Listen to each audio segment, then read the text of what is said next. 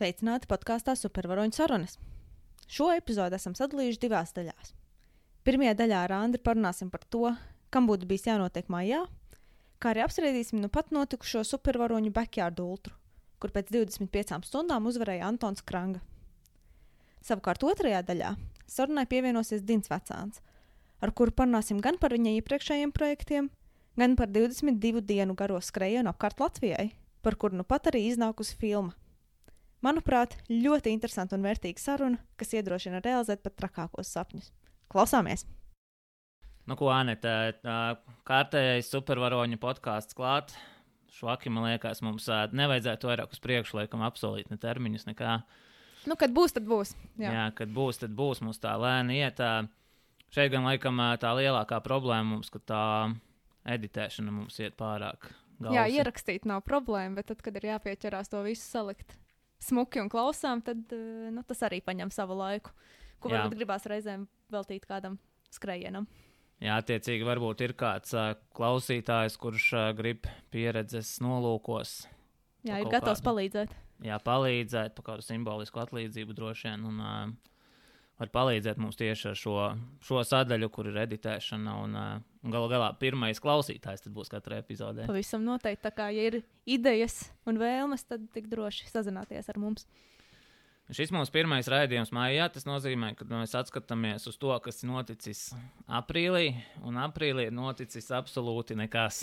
Tas nav nekāds pārsteigums.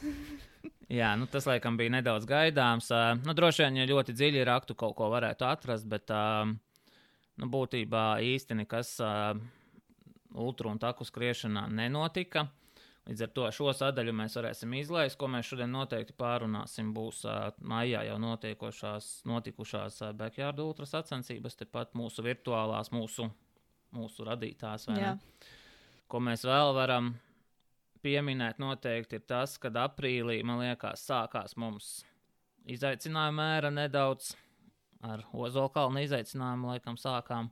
Jā, Ozolkalns bija pirmais, uz ko tauta pavilkās, un es teiktu, visnotaļ labi rezultāti. Tur arī tīpaši puišiem. Jā, kādi 30 jau ir noskrējuši laikam aptuveni. Domāju, ka vairāk, citi, citi kautrējās. Bet uh, nu, tas mērķis galvenais jau laikam tiek tur izpildīts. Tomēr uh, cilvēki nedaudz nomotivējās to stundu, pusotru, cik no kuram tur kārtīgi uzskriet. Tas ir viens, otra lieta - superīgā vietā. Ozola kalna kempings. Ar, ar skatu uz gauju. Ar skatu uz gauju, jā. Lieliska vieta, kur paskriet. Un treškārt jau tas, ka tas izaicinājums nav, nav viegls. Es tas sestdien pats, kad tur skraidīju, man, man jau viens no izaicinājuma pildītājiem beigās teica, nu, tev ir izaicinājums. Un uh, otra lieta - Sigulda Rīga, vai ne? Tā, tas arī ir palaists tautās. Man liekas, aprīlī arī palaidām. Līdz ar manu, manu velo braucienu tur. To mēs jau iepriekšēji, man liekas, aprunājām. Un, uh, un tur arī cilvēki skrien. Pagaidām bija tikai džeki skrējuši, bet to ar Lindu arī noskrējusi. Pa nu, tumsu. Nu, iespaidīgi. Jā, tur daudz zērus satikusi, un uh, nu, tumsā, protams, arī orientēties grūtāk. Par to es nešaubos. Es pat visticamāk, pa tumsu neskriešu šo maršrutu. Jā, man ar tā likās uh, traka ideja, bet uh, nu, Linda arī traka meitene, laikam, tāpēc uh, viss, viss pie lietas.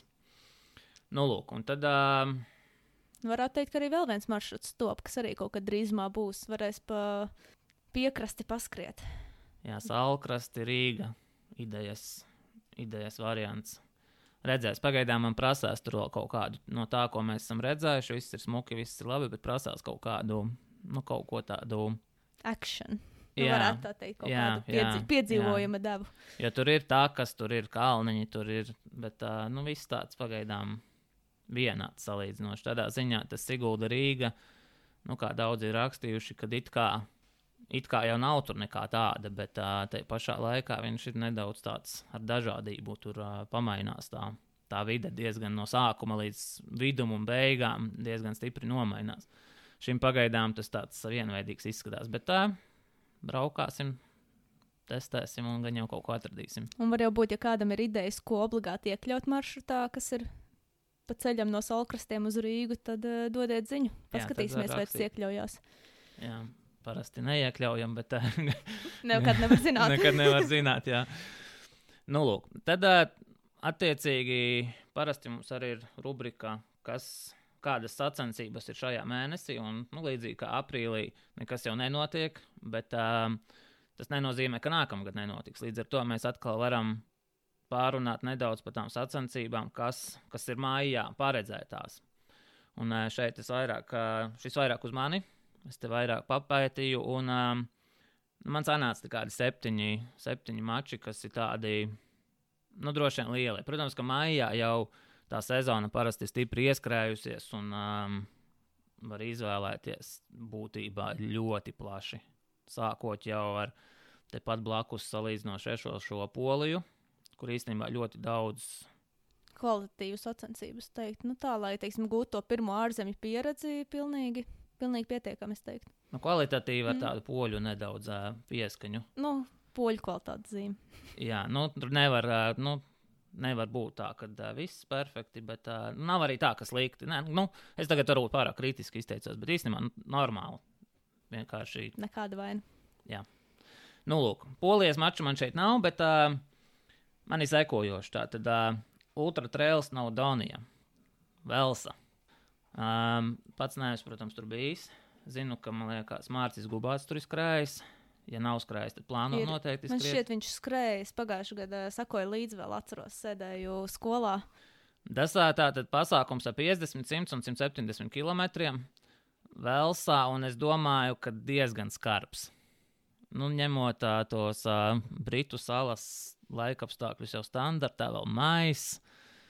Pats esmu bijis vid, apvidū un apmēram nojaušu, ka tur uh, noteikti kājas ir slapjas non-stop. Un uh, droši vien arī tie kalniņi ir gana tehniski un interesanti. Tā kā, nu, šīs varētu būt vienas no tām, kuras es nekad līdz šim neesmu iekļāvis kalendārā, bet kaut kad nākotnē varētu būt. Šogad, protams, viņas ir atceltas, drīzāk pārceltas uz uh, 18. un 20. septembris. Tā kā, ja ir vēlme, droši vien, ka vēl var šo paspēt, vai ne? Nu, ja viss sakārtosies dzīvē. Otra lieta, un man liekas, tāds mēneša. Galvenās sacensības no tāda nelitas skrējēja viedokļa. Uh, Las Palmas salā, Kanārijās, Transvulkānijā. Man liekas, pagājušajā gadā mums arī bija skrējēji, Kristaps Magoni, laikam, jā, skrēja. Jā. Arī atcelts, ja pārcelts precīzāk uz 3. oktobri. Domāju, ka uh, viens no krūtākajiem skrējieniem vispār maijā, kas ir. Un uh, no um, konkurentiem vai kolēģiem nezinu, kā saukt, atsauksmes īstenībā ir ļoti labas par šo pasākumu.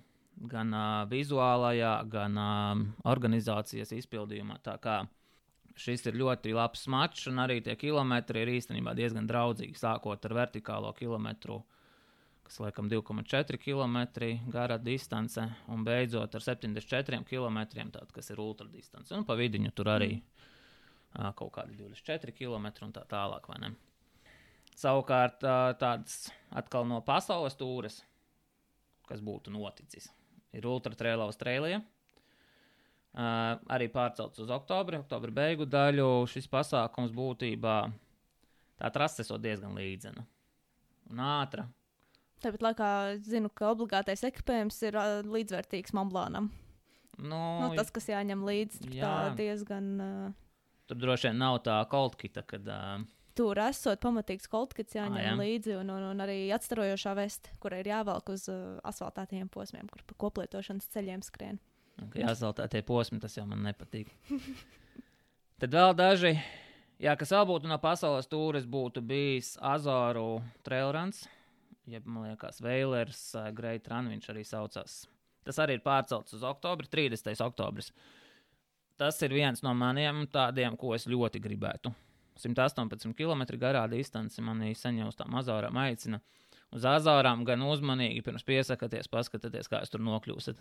Jā, tur uh, ne tikai ir vairākas salas, bet arī nu, tas nokļūšanas loģistika ir diezgan sarežģīta. Jā, tas ir reāli Atlantijas okeāna vidus. Ja Madeira ir tālu, tad Azāras ir vēl, man liekas, divu laika joslas tālāk vai trīs. Uz Azorām esmu dzirdējis stāstīņus, kad piesakās un tad. Sāk... Apskatās, kur tas ir. un apskatās, kur tas ir. Jā, jo tā jau izklausās vienkārši Portugāla, vai ne? Jā, nu. jā tā ir Portugāla joprojām, bet nu, sasodīt tālu. Un tad vēl būtu bijis Volviks, kur mums uh, viens no mūsējiem Jānis Kungs būtu startējis. Tas Francijā tas ir pārcelts vienkārši uz nākamo gadu. Un, uh, tur tā, tad, tā pamatdistance ir kaut kas ap 100 km. Bet ir arī, kur pārītī var iet 220, izbaudīt, un ir arī īsākas distances. Un uh, vēl viens, kurš varbūt nav nekādā stūrēs, uh, varbūt arī nav tāds uh, ārkārtīgi slavens skrējiens, bet patiesībā skrējiens, kurš šogad varētu būt tāds nedaudz cilvēcīgākos apstākļos, jo viņš ir pārcelts no maija uz 19. septembri, ir Transilvānija ar startu pie Drakulas pilsētas. 30 līdz 100 km distances. Tātad Rumānijā tas notiek. Tātad Rumānijā, jā. Augstums līdz 2500 metriem. Un uh, maijā skrienot, uh, es nezinu, vai obligātajā, bet noteikti ieteicamajā ekipējumā ir tie, tie dzelkšņi, ko liek uz kājām. Ja arī viens no mūsējiem viņu ir skrējis, viņš tur stāstīja diezgan trakus stāstus, cik nu, diezgan ekstrēmi maijā. Septembrī attiecīgi sniegam vajadzētu būt pazudušam un varētu būt uh, krietni labāk. Jā, varētu būt, ka sniegs jau nav uz, nu tā kā vēl nav uzsniegts. Vēl nav uzsniegts, jā. jā. Nu, nevajadzētu septembrī. Septembrī nevajadzētu būt, bet uh, nu, nevar zināt. Es novembrī braucu arī. Divi pustūkstoši, tomēr ir divi pustūkstoši. Jā, es novembrī uz to reģionu arī braucu šortiņos ar domu, ka nu tik būs atvasara, bet um, šorti palika čemodānā kārtējo reizi. Nu, un tad, uh, lai nobeigtu, tepat Latvijā bija paredzēts uh, Latvijas trailreis maija beigās Daibē. Mm -hmm. Tas pagaidām ir pārcelts uz nezināmu laiku. Nu, attiecīgi domāju, tad, kad uh, sacensības notiks, tad Edijs visiem to izziņos. Un uh, izskrēju to aplīti. Tur garā distance 60 km vai 62, laikam precīzāk, divos apļos. Es vienu noskrēju gan interesanti, kas man liekas tāda nenovērtētākā daļa tam, tam pasākumam patiesībā ir purvi, kas no vienas puses ir oh, jāskrien pa purvu, no otras puses viņi ir smuki, viņi nav neko arī baigi dziļie. Jā, viņi tomēr diezgan dažādi. Tur man arī patika, tad, kad es rudenī mēs gājām to trasi skatīties. Nu, tiešām vizuāli baudām. Jā, jā plus, plus arī kalniņi. Tie var būt uh, nu, tādi, nu, neviegli, bet uh, nu, izaicinoši, protams, bet nav, nu, nav viņi tik lieli. Nav tās ieguldījumi, nav tās arī cēsis. Tā kā tās ir tās sacensības, kas būtu notikušas maijā, bet nenotiks, bet notiks droši vien nākamgad, vai kā te dažos jau pieminējām, septembrī, oktobrī. Patiesībā maijs jau ir tāds ieskriešanās mēnesis galvenajai sezonai, bet uh, kaut kā, man liekas, pārsvarā tomēr tie, tie lielie ir aprīlis un tad nāk jūnijas. Un tad tas maijs ir tāds bišķi. Tāds nedaudz klusāks, bet nu, tā Transvulkānija, ir tā Ultraterēla Austrālija. Tad, ja kādam gribās skriet maijā un jūlijā, arī maijā var atrast ļoti labas sacensības, kur, jā, jā. kur piedalīties. Patiesībā Itrā ievadot maijas pagājušā gada 680 uh, sacensības, nu tur dažās ir 3, 4 distances, tā kā reāli kaut kādas droši vien 300. Bet, nu, ir. Izvēles iespējas pietiek. Jā. Nu, gan jau vēl viena lieta, ko vērts pieminēt, ka nu, pat nāca arī UTMB klajā ar ilgi gaidīto paziņojumu, ka šogad UTMB nenotiks. Jā. Nu, tas arī droši vien pieminēšanas vērts, ka nu, ilgā gaidīšana ir beigusies. Jā, pēdējais uh, ieraksts no kalendāra tiek izsvītrots. Jā. Šogad pa mājām. Šogad pa mājām izskatās, jā. Nē, nu, jāskatās, ja jau daudzi, daudzi pārcelšies uz septembri, oktobri, Nu, varbūt kaut kad tad varēs, bet par UTMB īstenībā nav pārsteigums. Pasākums, kas notiek trīs valstīs. Ar tik milzīgu iedzīvotāju, tas nāk neiedzīvotāju, bet dalībnieku skaitu un nedēļu izstiepts. Nu. Jā, nu tas nu, man jau no sākuma tas likās diezgan, diezgan nereāli. Kas attiecās vēl uz šo pašu, varbūt ne gluži UTMB tēmu, bet itras tēmu. Itrei savukārt izziņojusi pirms nedēļas, kad uh, itras reitingi tiks iesaldēti. Tas īsti neatieksies nevienam uz loterijām, tādām lietām. Tas vairāk tādiem, nu, droši vien cilvēciņiem, skrējējiem, kas plāno savu reitingu izmantot, lai tiktu kaut kādās sacensībās bez loterijas, bez maksas. Vai ar atvieglot dalības maksas, vai ar atlaidēm? Nu, tad Latvijas gadījumā tie noteikti ir kaut kādi 20, 30 cilvēki, varbūt, var, varbūt 50 šaubos, bet nu, 20, 30, kas, uz ko šis nedaudz attiecās, kad uh, jūsu itras uh, reitingi visi tiks uh, iesaldēti līdz 1. janvārim. Attiecīgi tāds, kāds jums ir tagad, tāds viņš būs arī 31. decembrī. Vēl. Viņš nekritīsies, jo savādāk ir tā, ka tas itra reitings ir trīs gadus vērts ilgi, bet uh, viņš pakāpeniski kā, samazinās. Jo vecāks ir tas tavs skrējiens, jo viņš paliek nevērtīgāks. Un šī gadījumā tas tā tad tiek iesaldēts līdz tam 1. janvārim, kad uh, gadījumā, ja nebūs sacensības skrietas, tad tas uh, reitings nokritīsies. Un otra lieta, kas jāņem vērā, pat ja jūs kaut ko šogad noskriesiet, itra reitingu jums tas nemainīs līdz tam 1. janvārim. Tā tad uh, neatkarīgi to, no tā, ko jūs noskriesiet, jums punktus iedos, tos reitinga punktus. Šobrīd reitingu uzlabot vai pasliktināt nav iespējams. Jā, tieši tā. Mm. Bet tas neatiecās uz uh, tiem saucamiem Monblāna punktiem, ko mēs vācam, teiksim, lai kvalificētos Vispār, loterijai. Tie, tie būs. Tos, ja noskriesiet, būs. Tā. Nu, tad mums pienāk, laikam, kārta backyard ultra. Jā, jā nu pats vajag notikušais piedzīvojums nedēļas nogalē. Jā, paš... šķiet vairāk kā diennakti garš. Jā, īstenībā es tur to tabulu rezultātiem biju salicis 48 stundām. Es gan cerēju, ka nebūs neviens, kurš tik ilgi, jo nu, grūti būtu sekot tur diviem, trīs cilvēkiem. Bet beigās finišējām 25 stundās. Kas teiktu, nu, pirmo reizi tādam formātam Latvijā nav nemaz slikti. Man liekas, ka gandrīz neviens nezināja, nu, ko tas formāts principā nozīmē, izējot uz startu. Jā, bija daži laikam, kas bija pamēģinājuši, bet tā kopumā pieredzes nebija. Uzvarētājs mums tātad Antons Kranga, 25 stundas. Būtībā 167 km sanāk. Jā, jā. katru tātad, nu, tie, kas nezina, katru stundu bija jānoskrien 6,71. 71. Nu, jā, rupji rēķinot 6,71 km kuru tā tad uh, katru stundu bija jāiesniedz virtuāli tiesnešiem caur WhatsApp vai caur Zoom aplikāciju vai caur Strāvas profilu savu tā tad uh, informāciju, ka tas ir izdarīts. Katrs skrēja kur nu kurais, un attiecīgi beigās līdz uzvarai no apmēram 130 dalībniekiem startējošiem, vai mazāk bija 115. Sanāk, 115 bija tie, kas izgāja uz starta. Jā, pieteikušies jā. bija 130, mm -hmm. uz starta izgāja 115. Un tā tad visilgāk izturēja Antons 25 stundas. Man kā tiesneša korpusa pārstāvim ļoti interesanti bija vērot no malas. Es sākumā biju domājis, nu, ka, ja tas viss notiek tiešsaistē un tu tos dalībniekus neredzi, nu, būs tāds nu, garlaicīgi. Man sākumā likās, bet nu, nebūtu.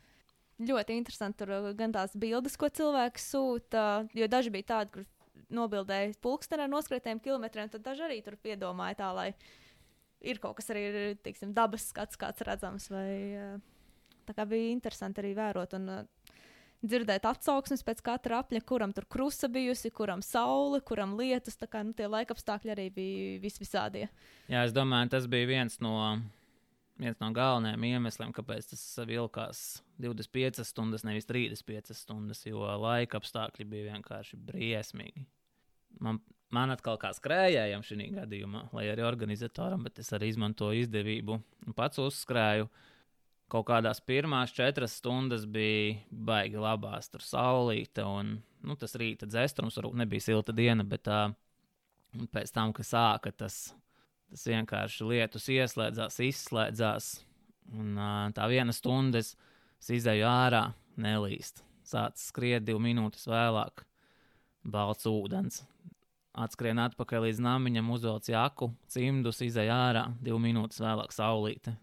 Atlikušo stundu tur karsti vai netai jakā un, un cimdus rokās nes. Un, un, tā, un tā visu dienu būtībā kaut kādā ziņā. Un, un tā kā nāca tas vakars, nu, un tumsa vēl, un kad tu redzi vienkārši, ka līņa, līņa, līņa, nu, tas motivācija labi grāva. Un es domāju, Tev vislabāk bija Alberts izdarījis, kurš trāpīja, skrēja tādā vietā, kur lietas viņam nebija visu dienu, tik saulīta. Viņš bija notrāpījis Līteres Nacionālajā parkā. Tur viss skaisti, saulaini un baudāmi. Un tad vakarā sāka līt. Tad vakarā sāka līt, un tad arī viņš drīz vien meta mieru. Jā. Nu, jā, nu, tā kā nu, laika apstākļi bija milzīgs faktors. Es domāju, ka milzīgs faktors bija arī nu, tas, ka tomēr nav tās klātienes sacensības. Jo, lai arī nu, es pats kā dalībnieks, godavārds varu teikt, ka es sajūtu to sacensību garšu. Nu, it sevišķi atgriežoties kā namiņā pēc izdarītās stundas, ieejot zūmā. Un uh, tur redzot, kā cits tur pārģērbjās, cits tur uh, treštalku runā, vai ne, cik viņš tur stiprs un labi izskatās. Un, un uh, tas iedeva tādu, jā, nu, sacensību garšu nedaudz. Bet uh, tajā pašā laikā, nu, tā, tā klātienes sajūta, nu, nedaudz lielāka prasījās. Nu, lai izturētu, teiksim, stipri ilgāk, vai ne? Jā, tas, tas viennozīmīgi ir kāds uh, blakus, kas motivē, tas ļoti palīdz. Un, nu, es domāju, arī šeit bija liels bonus tiem, kuriem bija kaut kāda atbalsta komanda. Pieejam, kur varēja palīdzēt kaut vai, nu, kaut vai vienkārši esot blakus un uh, nu, palīdzot aizsūtīt tajā nākamajā aplī. Nemaz nerunājot par visām tām lietām, ko var palīdzēt, nu, ēdienu sagatavot vai varbūt drēbes izžāvēt, jebko citu. Jā, man liekas, atbalstu komandām, ja, kuriem bija diezgan droši sanāca ar kādu fēnu darboties ar radiatoriem, lai to visu, lai to visu žāvētu. Patiesībā, nu, manā gadījumā man sanāca katrā aplī apmēram nu, 20-15 minūtes. Un tā pārģērbšanās vien reāli jau prasa nu, kaut kādas piecas gandrīz. Ja tu sākumā tu vienkārši noģērbies, nu tā visa slapjā, tu sēdi tā kā žūsti, Un, protams, ar vielu ar tur var palīdzēt. Un beigās tev atkal jāģērbjas atpakaļ, lai kā, dotos, dotos atkal skriet. Tas šoreiz ļoti daudz paņēma un patiesībā ļoti arī no tāda uztura viedokļa ļoti labi kalpoja buļļoniņi, tējas patiesībā. Man uh, vienā stundā, ap 9 stundu laikam atnesā buļļonu viens, viens čoms, kas turpat dzīvoja netālu frikadeļu zupu precīzāk. Burciņā. Es to burciņu, man tā burciņa bija jānogādā no Ozola kalna augšas līdz uh, namiņam lejā. 9. stundā es jau tāds, uh, nu, baigi pārliecināts zāles lapja. Tas ļoti uzmanīgi skrēja. Domāju, nu, Lēnākais noskrējiens dienas. Jā, nolikties ar to burbuļu zem, un tā burka karsta diezgan. Nu, tev viņa vēl tā kā karsts kartupelis par roku, nolikties ar to burbuļu zemē. Tas būtu droši vien dienas beigas. Bet uh, pēc tam viņu izdarot, īstenībā baigi, baigi atgriezta. Jā, es domāju, šeit daudz izmēģināja bišķītiņu. Varētu teikt, varbūt ultrām neierastāku uzturu, tādu tiešām normālu ēdienu, nevis uh, žēlējies tikai visu dienu. Un, uh, šādā formātā, es domāju, tas ļoti labi strādāja, jo nebija tā intensitāte lielākajai daļai tik augsta. Protams, bija puiši, kuri skrēja apļus pa pusstundu, un tad pusstundu ap, apstājās, bet, manuprāt, šis nebija tas formāts, kur tas ir tas uzvarošais faktors, ka ir tā ļoti garā pauze. Jā, man liekas, visi puiši, kas skrēja pusstundu, diezgan, diezgan drīz izstājās. Patiesībā uzvarēja Čalis, kurš skrēja beigās 50 plus minūtes. Un diezgan tuvu. Īstenībā tas viņa uzvaras atslēga, manuprāt, ir uh, kaut kāda neatlaidība. Pat ne šoreiz ne fiziskais vai kas. Es te atvēru uh, viņa, viņa atskaiti nu, par, par treniņu nedēļu, un ar viņu atļauju te nocitēšu nedaudz. Astotajā stundā izlēmu, ka tā būs pēdējā stunda. Ja varēšu noskriet vēl vienu, tad mēģināšu, bet tā viss. Un tad ir uh, no 9 līdz 11 stundai vien, vienāds teksts. Izlēmu, tā būs pēdējā stunda. Varbūt atļaus spēs, noskriešu vēl vienu, diez vai vairāk. Un uh, 12. stundā viņš vēl apmaldās mežā, jo viņš jau neskrēja vienkārši. Viņam jau nederēja tāpat pa, tāds, nu, pa smuku taciņu, kā viņš vēl komposts līdzi cilvēkam, kas viņu izglābj. Ieskrēja mājās 58 minūtēs. Tad, principā, uzreiz jādodas uh, 13 stundā, kas droši vien varbūt palīdz, kad uh, nu, nav laika domāt, uh, kur izstāties. Tas ir tāds faktors, ka tu atskrien to pusstundu ātrāk, un tu tur vari baigi izdomāt, kad priekš kam atskrien 55. skrien tālāk. Jā, tam es pilnībā piekrītu, jo man liekas, nu tā ilgāk pasēžot, sāc atzist, kaut kas sāk vilkt, kaut kas tā sāc domāt, nu jā, tur tas, šitā, tas tā, nu, un var atrast simt un vienu iemeslu, kāpēc nedoties nākamajā aplī, bet jo mazāk ir laika domāt par to, kāpēc to nedarīt, tad vienkārši paliek tas, manuprāt, tas skrējienu virziens tikai uz priekšu. Līdz ar to, jo mazāk laika, tad jo lielāka iespēja, ka vienkārši turpinās. Jā, 17. stunda izlēma, tā būs pēdējā. Varbūt jāatļaus spēks noskrist vēl vienu diez vai vairāk. 18. stunda tieši tas pats. Tad ar 20. mainās tā domāšana. Nevaru vairs izturēt, nākamajā aplī izstāšos. Bet tā redziņš visu laiku atliek uz to nākamo apli. Līdz viņš beigās. Uh, Viņš ir beigās vienīgais, kurš to atliek uz nākamo apli. Un Jā, tad jau pēc tam jā. to lēmumu pieņem nevis viņš, bet uh, Nu, ja godīgi, es naktas vidū pamodos, gāju apmēram kādu 18 stundu. Es paskatījos, ka aiz, ka aiz loga līst. Es jau biju izstājis pēc 12. Un es tagad un tā iedomājos, tagad es esmu ārā un skrienu tajā sasodītajā ozolkalnā. Un pilnīgi tāds kā nelabums uzmetās. Nu, Nu, tā kā, ok, Andri, tas bija ļauns sapnis. Tagad te gulēt tālāk un uh, būtu ļoti grūti naktī. Jo man jau pirms starta tā naktis, nu tā, tā nevisai uzrunāja. Nu, man, nu, bailīgs cilvēks, man ne, nepatīk tur naktī vienam, bet, bet, bet, bet, nu, vēl pie lietas, pie augstuma. Tur būtu reāli grūti, grūti. Tā kā, nu, visu cieņu tiem, kas to, to nakti izturēja patiesībā. jā, un tam laikam gribās arī parunāt par to, cik liels spēks šādās sacensībās ir tam, kur mēs paši noliekam sev robežas, principā. Ja mēs esam izdomājuši, ka mēs gribam septiņas stundas, tad visticamāk pie septiņām stundām mēs arī beigsim. Ja kāds ir izdomājis, ka tās būs 12 stundas, tad tās arī būs 12 stundas. Un, uh, pēc 12 stundas bija procentuāli lielākais atbrīvojums, kad gandrīz puse Uz to brīdi puse no Uz to brīdi 40 puse, palika puse 20. pateica, ka viņi vairs neskries tālāk, jo daudziem bija tās 12 stundas jāizdara. Izdara un liekas, tā, nu, būs jau labi. Un tad uh, bija pat daži tādi, kuriem saka, viņiem pēdējā stundā viss kaut kas sācis līdz ārā, kas iepriekš viņi neko nav jutuši, viss kārtībā, un tad pēdējā stunda pienāk un tā sajūta, ka ir ka viss, un tad arī viss notiek. Jā, jā, atslābinās, un, uh, un tā ir. Nu, jāsaka, ka man bija tā, ka es uh, devītā stunda, kas man bija absolūti visgrūtākā, ja es visas tur izpildīju ap 40 minūtēm, tad uh, devīto es cīnīju 48. Un es tiešām cīnīju viņu, un, uh, ja pirms tam es tajā kalnā visu laiku tur, nu, noteiktās vietās skrēju, tad tajā devītajā stundā es uh, reāli nu, kāpu. Un uh, lejā arī tur nu, knapi dzīvs. Un, uh, tad es sev kā uzliku trīs plānus. Tā kā C izturīja vismaz vēl vienu stundu, lai desmit. B plāns izturīja 12. Un tad tas A plāns man uz to brīdi bija 15, lai ir tā kā 100 km un lai ir uh, vismaz 100 reizes Ozolkalnā uzskriets. Un tai 9. man tas 15 likās, nu, nu reāli smieklīga ideja. Nu, tā, kad ja man kāds teiktu, ka, nu, ka tas ir baigi, nu, prātīgs lēmums, tas reāli smietos, jo nu, tas likās pilnīgi nereāli. Bet uh, nu, varbūt arī tas, ka es nospraudu to 12 stundas, tas mani apturēja varbūt kaut kādā ziņā. Un apturēja arī tas, ka uh, es zināju, ka, ja es iziešu 13. kas bija droši vien lielākais faktors, ka tad man būs arī jāaiziet 14. un 15. Un tas likās vienkārši tik stulbi. Tā kā, nu, jā, robežas īstenībā šeit droši vien tā pareizākā pieeja būtu vienkārši, ka tu Principā koncentrēties tikai uz nākamo stundu, bet neuzlikt sev nekādus limitus, kas tad būs tas mans, man augšējā robeža. Jā, ja citējot, varbūt ļaķos spēks nosvarēšu vēl vienu. Tieši tā. tā kā mēs redzam, kur ir labākā, labākā taktika, kur arī jūs tālāk aizveda. Jā, mēs jau te nedaudz pie ēdiena pieskārāmies. Patiesībā tas, ko es uz sevis nedaudz iemācījos, kad uh, es ēdu tikai namiņām.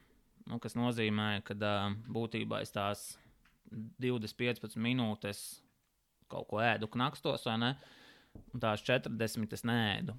Un, uh, vai nu tas, ka es esmu pieradis ēst tik pa pusstundai, vai nu tas, ka um, tas, ka varbūt man tā intensitāte bija salīdzinoši liela, bet es ļoti daudzas reizes noķēru, esot ārā, noķēru to bada sajūtu. Pat ne tādu, varbūt, bezspēka sajūtu, jo to enerģiju es gan daudz uzņēmu, bet tā, tādu, ka vot šeit vajadzēja, vai ne? Un arī 9, 10, 11, ne 9, ne 10, 11, 12 aplī pēdējais, pēdējais tieši kāpums, viss kā ar nazi. Sešus uzkāp labi, septītais trakt, nav. Un ā, tā kā patiesībā, un tas arī attiecās uz kaut kādu vilkaci, ja mēs nu, tā skatāmies, vai ne? Ka ir jādomā tomēr arī pa vidu kaut kas. Nu, vilkacītes droši vien izteiktāk būs ūdens, jo tur īsti virs 30 minūtēm kontrolēks neļaus skriet, vai ne? Jā, bet tur toties tā kā tas ir visbiežāk jūlijas, tad ir gana silta laika apstākļi. Līdz ar to tas ir tā, nu, ūdens tiešām. Jā, jā nu, būtisks. piemēram, pagājušajā gadā es uzskatu, ļoti daudzi vienkārši kļūdījās uz to, ka uh, trasē nebija līdz ūdens. Tu pusstundu nedzer 30 grādos. Nu, tas jau principā ir uh, labs spriedums tev. Tā kā par šo īstenībā es nezinu, kāda citiem pieredze. Droši vien nu, nedaudz netik sāpīga kā man šoreiz, ne, jo varbūt tā intensitāte bija zemāka vai, uh, vai nav pierasts tik bieži ēst sacensībās. Varbūt daudz, nu, daudz ir ētās 45 minūtes reizē, stundu reizi, reizi stundā. Tad ir savādāk, bet uh, es tomēr esmu pieradis vairāk uzņemt, un man trūka. Tā, kā, nu, tā noteikti viena no mācībām. Jā, un es zinu, ka bija arī cilvēki, kuri tomēr te apliņēma līdzi papildus vismaz ūdeni. Jā, es uh, vienreiz paņēmu, aizstiepu to pudeli līdz savai starta vietai, noskrāju septiņus apļus, aizskrēju pakaļ pudelē un aiznesu viņu atpakaļ uz namiņu. Un tad, laikam, pēdējā 12. aplī, kad jau man bija arī distancē atbalstītāji, tad es uh, dabūju padzerties pašā beigās. Bet um, tas ir tāds, ko nedrīkst, nedrīkst ignorēt. Tā gan. Nu, tad mēs arī bišķītiņi padomājam par to, ko tu varētu izdarīt ar šo pasākumu nākotnē, jo, nu, droši vien, šis nebūs pirmais un pēdējais tāds. Pirmais atsau- būs. Nu, pir, nu, jā, tas skaidrs, bet uh, atsaucība principā vai atsauksmes bijušas ļoti pozitīvas. Jā, tā kā nu, jāturpina būs. Es domāju, jau klātienē. Kad, nu, no vienas puses kaut kas ir arī tajā, kaut kas bija tajā neklātienes cīņā. Nu, tas, kad uh, varēja pievienoties jebkurš, jebkur. Jā, piemēram, mums bija skrēja no Jaunzēlandes. Tas ir fantastiski. Jā, Jaunzēlande, Ungārijā, Šveicē, man liekas, bija Austrijā.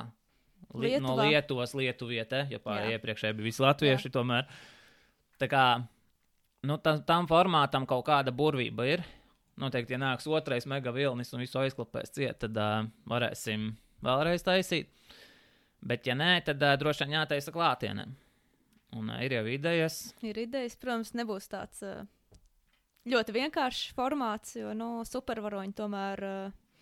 Supervaroņi supervaroņi, mums vajag takas, mums vajag bišķīt reliefiņu, bišķīt izaicinājumu lielāku. Tieši tā, turklāt es esmu pārāk nepacietīgs, lai sēdētu 50 stundas un skatītos, kā kāds, kāds riņķo. Tāpēc uh, noteikti kaut kāds aplīts varētu būt 200-300 augstuma metriem, tie paši 6,7 km.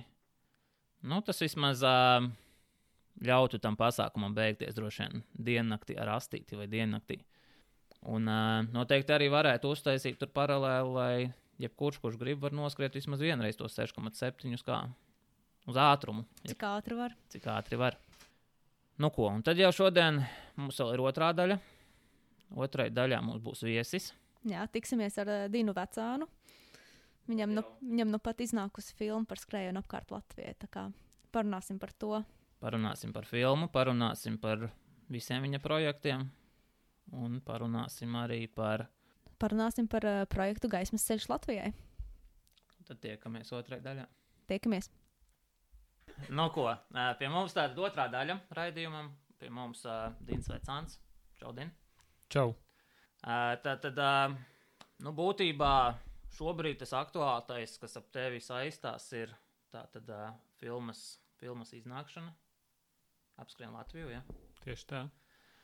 Bet varbūt sāksim, nu, ne uzreiz ar filmu pašu, bet nedaudz atkāpsimies, nedaudz vairāk pagātnē. Un man īstenībā, nu, Dīns vienmēr asociējies ar nu, daudziem trakiem projektiem. Ok, šis varbūt tas, kas beigās realizējas filmā, un mēs līdz tam nonāksim tāds, nu, pats, pats trakākais, bet uh, projekti jau iepriekš arī bijuši. ne? Sāki, man liekas, ar maratons katrā kontinentā. Sākām pusmaratonu. Sāki ar pusmaratonu. Sākām ar pusmaratonu, kā noskriet pusmaratonu basketbola botās, negatavojoties. Nu, kā, zinām, kā sprintiņu skriet, te jau var mierīgi. Un, un, un tas bija, liekas, pirmā pieredze, kā nevajag darīt, visu aplami izdarīt un, un, un pusceļā. Nu, kad es izšāvis visus desmit, tev vēl otru desmit. Un, un, un, ā, kad tu nu, novalc botas, nos jau kājas neelpo basketbola botās un tā plikām kājām aizrāpā līdz finišam. Un, un, un tā es sāku. Nu, kur tad tev bija tavs pirmais pusmaratons? Rī, Rīgas, Rīgas pusmaratons, Biķernieka pusmaratons. Viņš pat vēl nesaucās, viņš bija Rīgas pusmaratons. Kad tas bija? 2012. Jā, un ar to arī at, nu, tad sākās tas viss. Ir pusīte, nu tad vajag pilno. Pilnais bija rudenī. Un Tu, principā, vēl viens 2012. gada. Skrējējis, jā, kā mēs arī. jā. jā. Ai, jūs arī? jā. Ideāli. Nu, tas ir- Alūksne, 2012. ir saikne. Nu, labi. Tiki pie līdz pirmajam maratonam, tai pašā gadā. Tas vismaz bez basketbola botām. Tas bez basketbola botām, bet tas ar botām, kuras bija pa mazu, un īkšķīši abi bija melni pēc tam. Bet tur man bija tāds, uh, sev bija nosaulies, ka nevienā brīdī es negribu pāriet tiešus. Es gribu skriet, skriet, lai cik, cik smagi un grūti un stīvi, bet uh, tikt līdz galam bez apstājas zem četrām stundām. Man liekas, toreiz sanāca kaut kāds 3,25 vai 3,5. 3,25 man liekas, jā. Bet uh, nu, tur es biju saprātīgāk, biju, protams, nu, nepietiekoši un tālu līdz pietiekoši. Bet, uh, nu, man liekas, es nekad neesmu izcēlējis ar ļoti ideālu sagatavotību, kad skriet sačus uz kādu personālo rekordu. Kas tev varbūt ir tas, uh, kā tu sagatavojies vairāk? Psiholoģiski tam kaut kāds ir tas mērķis, kur tad tu dodies, lai kas arī Lai- notiktu. Laikam jau tiešām, nu, tu uzliec to mērķi. Protams, nu, tu mācies no iepriekšējām kļūdām, ko tu esi izdarījis nepareizi. Uh, Tikā pieliec to bišķīt klāt, tad atkal kaut ko paņem. Nu, piemēram, te- pirm pusītai un maratonam es nebiju gatavs. Tad es sapratu, ka vajag tomēr to treneri, jo prātā jau virmoja tāda ideja par pirmo ultru. Tas bija kaut kāds 69 km Bavārijas Alpos. Un tad es pirmoreiz mūžā paņēmu treneri un izgāju to pilno ciklu, kas ir pulss, kas ir skriet pēc grafika, kas ir nu, kilometru apjoms kaut kāds noteikts nedēļā. Tā bija jā, tas mans oficiāli pirmā reize, kad es turēju sevi absolūti grafikā. To, ko treneris rakstīja, absolūti mēģināju izpildīt. Man liekas, trīs mēnešu periodā vienu treniņu tikai izlaidu. Tā kā es, tā kā es pie Andra trenējos, bija daudz sliktāk. Bija gan, jā. Nelīmējās kopā. Bet, uh, ok, nu tā tad maratonu noskrēja, ultra arī noskrēja. Un uh, tad kaut kad dzimā tās pirmās idejas, ka vajag kaut ko lielāku. Nu, vai kaut ko lielāku, un jā, tas bija tie. Es toreiz studēju Polijā, un tur poļu viens no TV, TV personāžiem tieši tajā gadā bija darījis to septiņu maratonu, septiņos kontinentos. Un, un, un tad arī, jā, nu, zinā, katru gadu tā ambīcija aug, tā, tā gribēšana kaut ko izdarīt, nezinu, sev pierādīt arī, kad, kad to var izdarīt, kaut ko interesantu, mazliet savādāku. Un, un, un jā, tā ambīcija izaug, ka vajag septiņu maratonu, septiņos kontinentos. Tā es tur, nu, atkal, protams, eh, tajos legos tā skriešana vēl nebija tik, tik ļoti, tā, nu, tik, ļo, tik milzīga.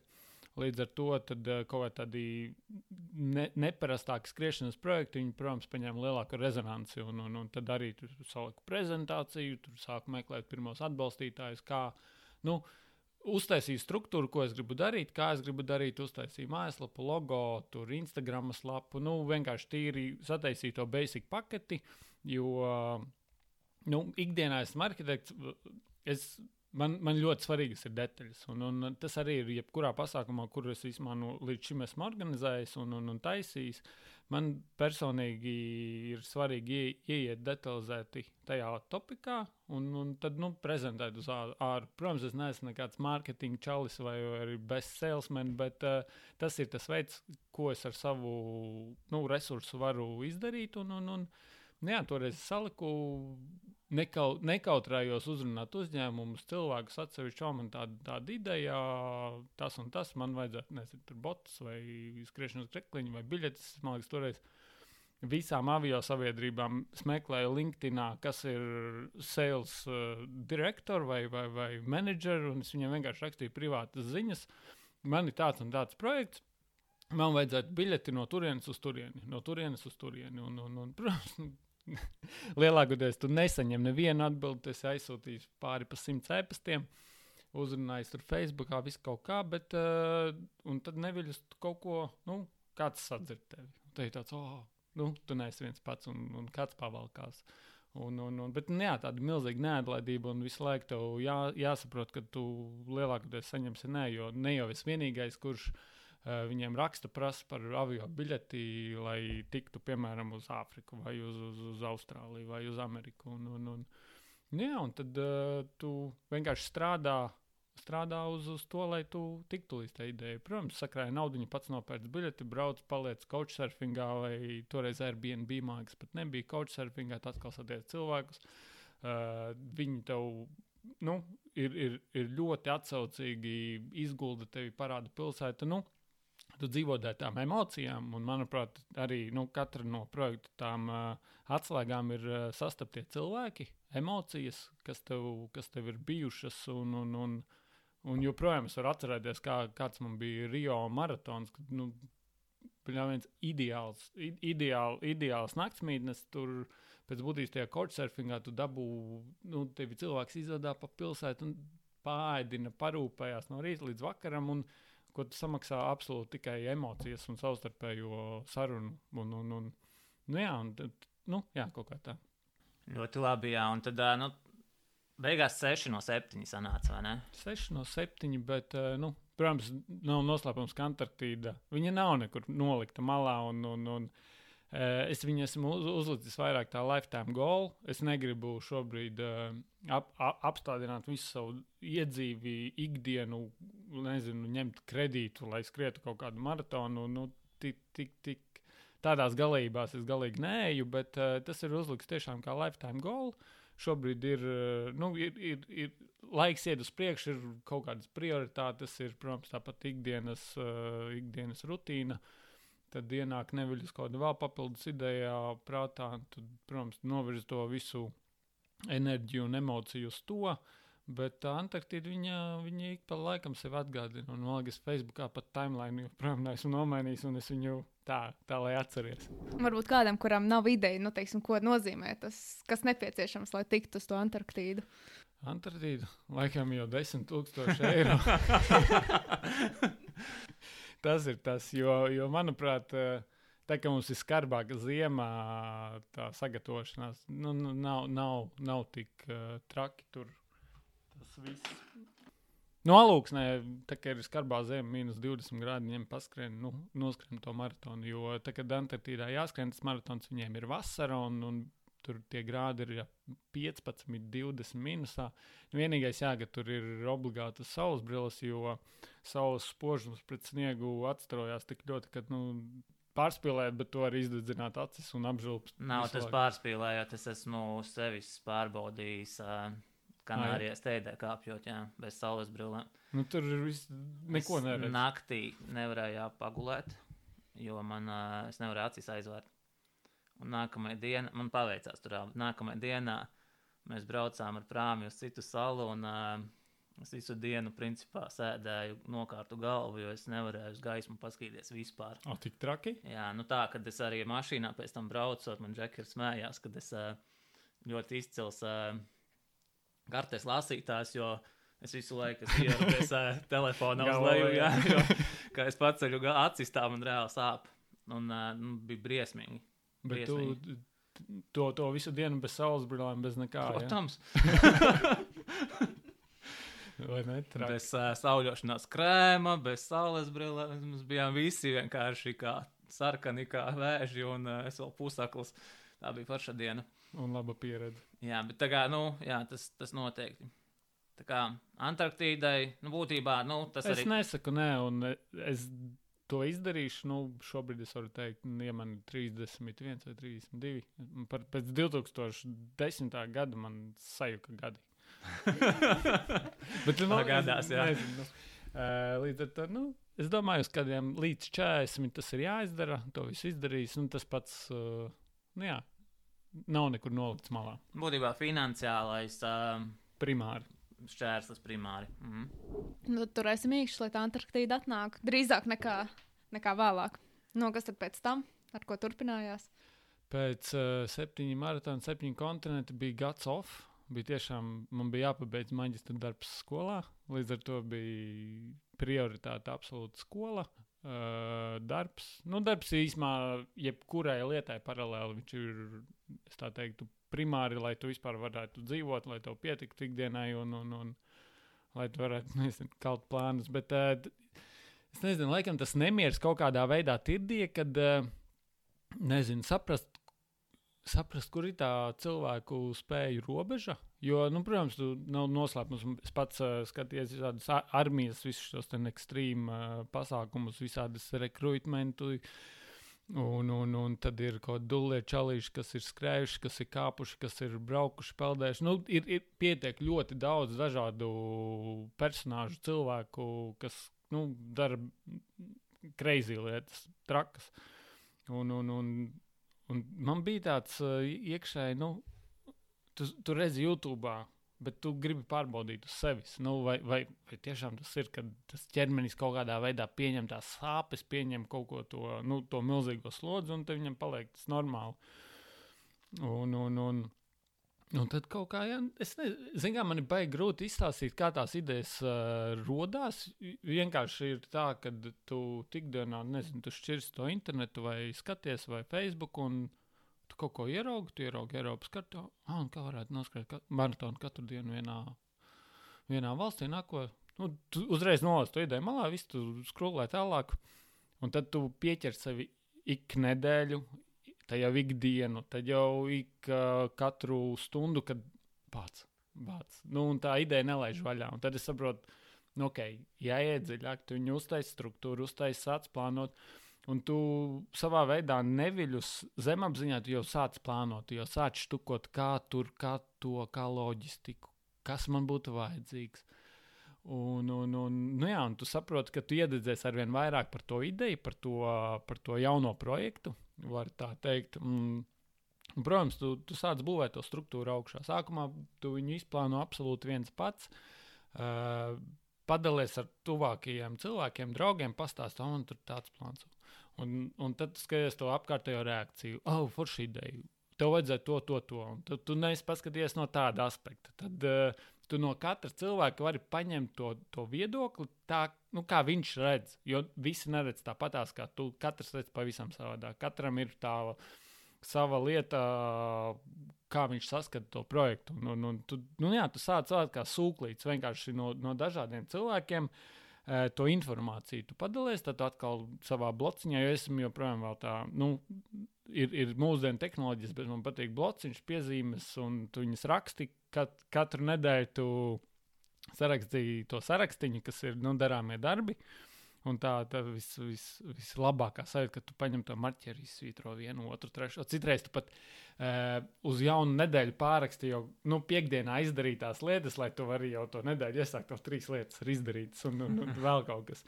Un, un tā jau arī no tiem projektiem. Tu saraksti, kas tev jāizdara, kas tev jāsaprot, un, un, un tu kaut kā būvē augšā. Un, un, un atkal apkārtējie cilvēki tev iedod atbalstu, tev palīdz, padalās. Un, un, un te jau, nu, piemēram, uz tiem 28 maratoniem tur jau vajadzēja daudz lielāku komandu, jo tur es viens pats par sevi nevarēju parūpēties. Un, un, un vajadzēja, kas brauc, vajadzēja, kas fotografē, kas filmē, jo tur jau arī mums ir Mums īstenībā ir uztapušas trīs sērijas, tad nu, 45 minūšu montāžu, bet nu, tur vajag vēl pēcapstrādi, nu, kas tur īstajās visās 28 dienās notika.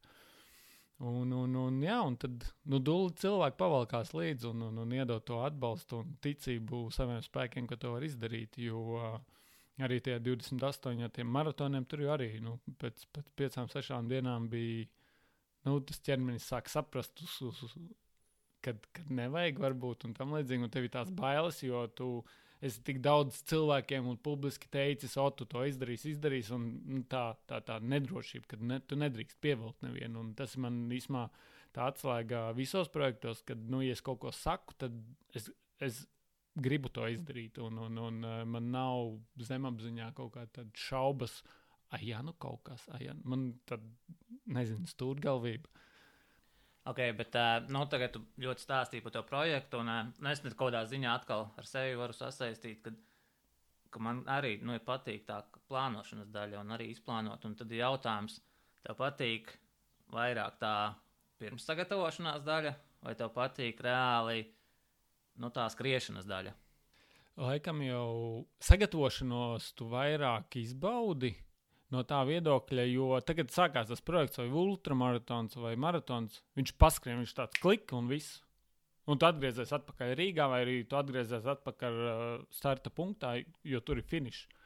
Un, un, jo tu tajā visā nu, skriešanas procesā, tu esi tieši tajā mirklī, tev nav laiks padomāt, atslābt. Tev ir, tu esi non-stop iekšā. Nu, es varu absolūti pateikt, ka tev sacensībās tu atceries kaut ko no trases.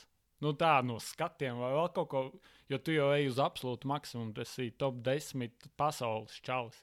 Līdz ar to, nu, man liekas, tas ir tik, tik ļoti fokusēts uz, uz, uz katru detaļu, neizlaist kaut kādu posmu, kad, nezinu, man liekas, ka tev arī sagatavošanās posmu tu vairāk izbaudi kā sacensības. Nē, nē, nu viennozīmīgi. Un arī nu, ne tikai uz sacensībām, arī nu, varbūt ne tik lielus projektus, bet arī projektus taisot. Man vienmēr ir labāk patikusi tā salikt to loģistiku, saplānot, saplānot tur kaut kādu Vizualizēt, Jā, jā, jā, jā kā tas viss jā. būs. Un tas pats process pēc tam viņš ir foršs. Nu, tā ir kā balva. Nu, tas pats arī nu, sacensības treniņš, vai ne? Mm. Process un balva. Bet, uh, nu, abiem ir kaut kāda bauda savā ziņā. Bet... Droši vien, ja neizbaid, neizbaudīs to pašu procesu, gatavošanās, tad ir nu, daudz grūtāk, manuprāt, arī novest to līdz galam. Jā, viennozīmīgi. Jo, nu, ja tu neesi izdzīvojis viņu savā veidā, pat izsapņojis un, un, un izanalizējis no A līdz Z, tad uh, tu visdrīzāk saskarsies daudz lielākām problēmām tajā visā pasākuma laikā, jo tu nebūsi gatavs. Arī nu, Mārtiņš Pulveris pirms, uh, pirms apskrien Latvijā te, teica, ka nu, riski ir milzīgi un tam līdzīgi, bet ja tu būsi gatavs sliktākajiem, pēc būtības nu, nevajadzētu nekam noiet greizi, jo tas psiholoģiski gatavs arī nu, visām emergency situācijām. Tas tavs doktorīts, vai ne? Jā, mans, viens no doktorīšiem man bija trīs, Jā. trīs svarīgi doktorīši. Nu, labi, tās 28 dienas droši vien liksim mierā, bet uh, pavisam īsi, kur no 28 bija visforšāk? Nu, tu katru dienu savā valstī, katru dienu maratons.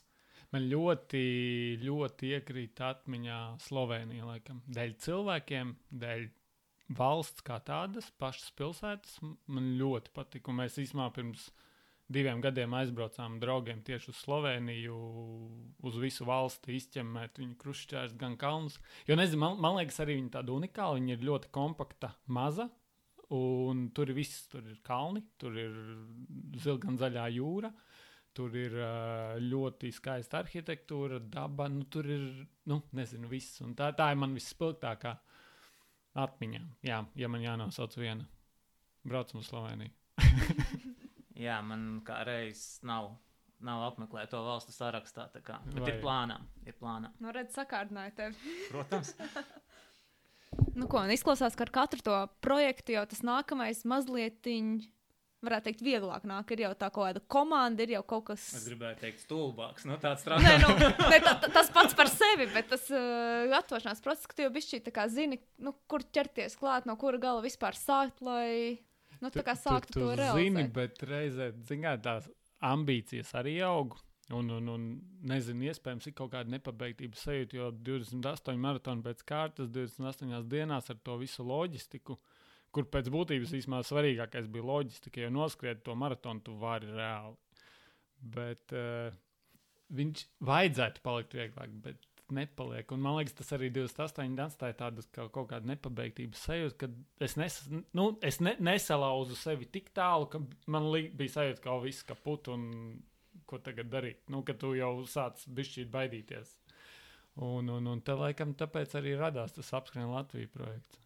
Viegli atnāca tas, tas plāns, ka tieši apkārt Latvijai vai Tas bija gadu pirms Latvijas tās, nu, pirms Latvijas simtgadus, bet nu, senāk pusotru gadu pirms Latvijas simtgadus. Jo pusgads aizgāja plānošanā, bet tā ideja bija. Es pamanīju to ceļu Latvijas, nu, nevis Latvijas, bet ā, 1836, ā, kas ir fonds 1836. Viņi veidoja, veido uh, Latvijas valsts simtgadēju ceļu apkārt Latvijai, kas, manuprāt, likās tik nenormāli forša doma, ka mums ir sava tāda supergarā taka. Bet viņiem ļoti nepatīk, ka viņi sauc par taku, līdz ar to tas ir ceļš. Uh, jo mēs zinām, ka Spānijā ir Santiago ceļš, kas arī viņš ir, viņš ir garš, un, un, un Latvija arī nu, mums ir unikāla daba. Un, un, un ja tev uzdod jautājumu, brauksim ceļojumā, tev visu, visu vienmēr asociē, nu, ārzemes, nu, kaut kur ārpus Latvijas, vismaz tālāk par Baltiju. Un tad man likās, nu, bļā, viens esmu izceļojis krustšķērs un ne tikai pa Eiropu, arī kaut kur pa pasauli, bet reāli es nepazīstu Latviju. Nu, tā, nu, protams, esmu bijis uh, tur. Reizeknē, Liepājā, Ventspīlī, Jūrmalā, nu, vēl, vēl pilsētās, bet es neesmu, nu, neesmu bijis dziļākos laukos. Tā bija viena lieta, ka es nepazīstu savu valsti un nāk Latvijas simtgade, un, un, un nu, manuprāt, ļoti nozīmīgs. Uh, man, man tas likās uh, svarīgs laiks, lai iepazītu tiešām savu valsti. Protams, otrs ir saprast, joprojām, kur ir tā vismaz mana robeža, tas absolūtais limits cilvēkam pēc kuras sapratu, ka īstenībā nav. Viss, viss ir, cik lielu mērķu uzliec un cik daudz viņam notici. Un, un, un tur arī tas limits. Un, uh, un, un, un nu jā, tas salikās kaut kādā ļoti īsā laika posmā. Un, uh, un jā, tā bija sava veida mana dāvana Latvijai, kad uh, iespējams iedot kādam citam iedvesmu, nebaidīties no milzīgām ambīcijām, idejām un sapņiem, kad ar, ar lielisku komandu to visu var panākt. Jo viens pats to. Es, es neticu, ka viens pats to var, jo mums apkārt ir cilvēki, kas tomēr ietekmē tev nu, ikdienu dzīvi, motivāciju, ticību. Un, un, un, nu, līdz ar to ir vajadzīga komanda. Jā, varbūt kas nezina, es te paņēmu, nav citāts īsti, bet faktus no, no tās prezentācijas filmas, kas par šo arī tapis, vai ne? Tāds, mm -hmm apskrien Latviju. 1740 km, 22 dienas, viens cilvēks. Mm -hmm. Diezgan nu, tie cipari iespaidīgi. Daudz. Kilometri, jā, daudz. Ārprātīgi. Zini, kas ir paradoxālākais, kad nu, tagad man sanāk, nu, trīs reizes nedēļā treniņi, divreiz nedēļā treniņi kad es uztaisu sestdienā tādus 20 km garāku, un pašam neliekās bildi kopā, kā var 80 dienās skriet. Reāli man vienkārši man pēc 20 ir besis, man nav spēka, stīvs, negribās. Kā var 80, kur nu vēl divas dienas pēc kārtas? Man šobrīd, zināt, tas psiholoģiski atlaidis. Man liekas, tā ir. Es arī pati esmu ievērojis, ka reizēm skrienu kaut kādu treniņu, domāju, nu, pats teikt, noskrēju divas stundas.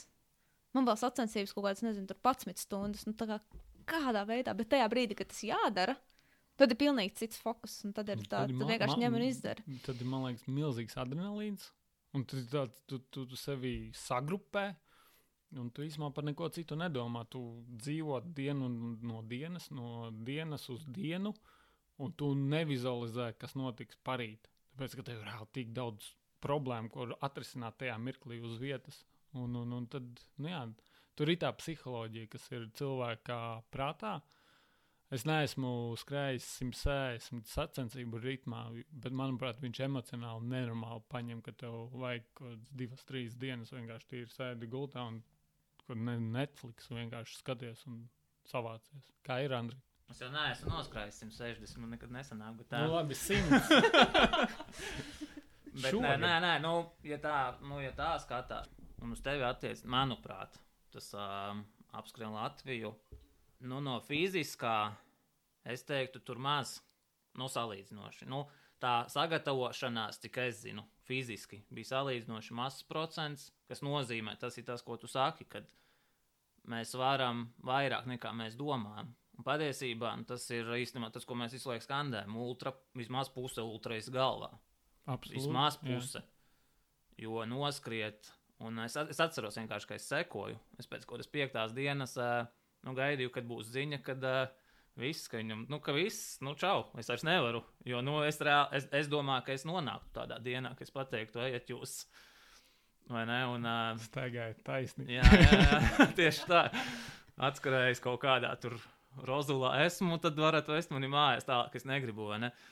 Jo, nu, bet tur redz, nu, tas labi pierāda, ka cik daudz ir tajā galvā. Nu, tas pats arī, ko mēs šodien jau runājam par Bekjārdu Ultra.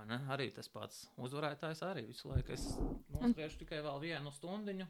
Un tieši tas, ka tikai to vienu stundu vajag Jā, tie domāt priekšu, ka tavā gadījumā to vienu dienu priekšu, vai, teiksim, ja tu esi šajā dienā vēl neesi viņu pabeigts tikai uz to dienu, un pēc tam, kad tas būs izdarīts, nu, ok, tad skatāmies tālāk. Nu, tu, tu izdari to dienas plānu, ka, kurš katru dienu mainījās. Absolūti mainījās, jo uh, tu skrieni uz sajūtām. Ja tev ir feelings, kad ir uz 72 jābeidz, tu beidz uz 72. Ja tev ir feelings, kad uz 80 ar pusi jābeidz, tu beidz uz 80 ar pusi. Un tad tu atlaiž to emociju, un, un, un tajā, nu, tie vakari īsumā tie bija vis uh, traģiskākie, nē, bet. Uh, nu, tā atlaid emociju, jo visu dienu tas ir nu, sagrupējies, tas ir sakarīgs, tu pļāpā, runā, smejies, cilvēki pievienojas tam nenormālāko enerģiju. Dod.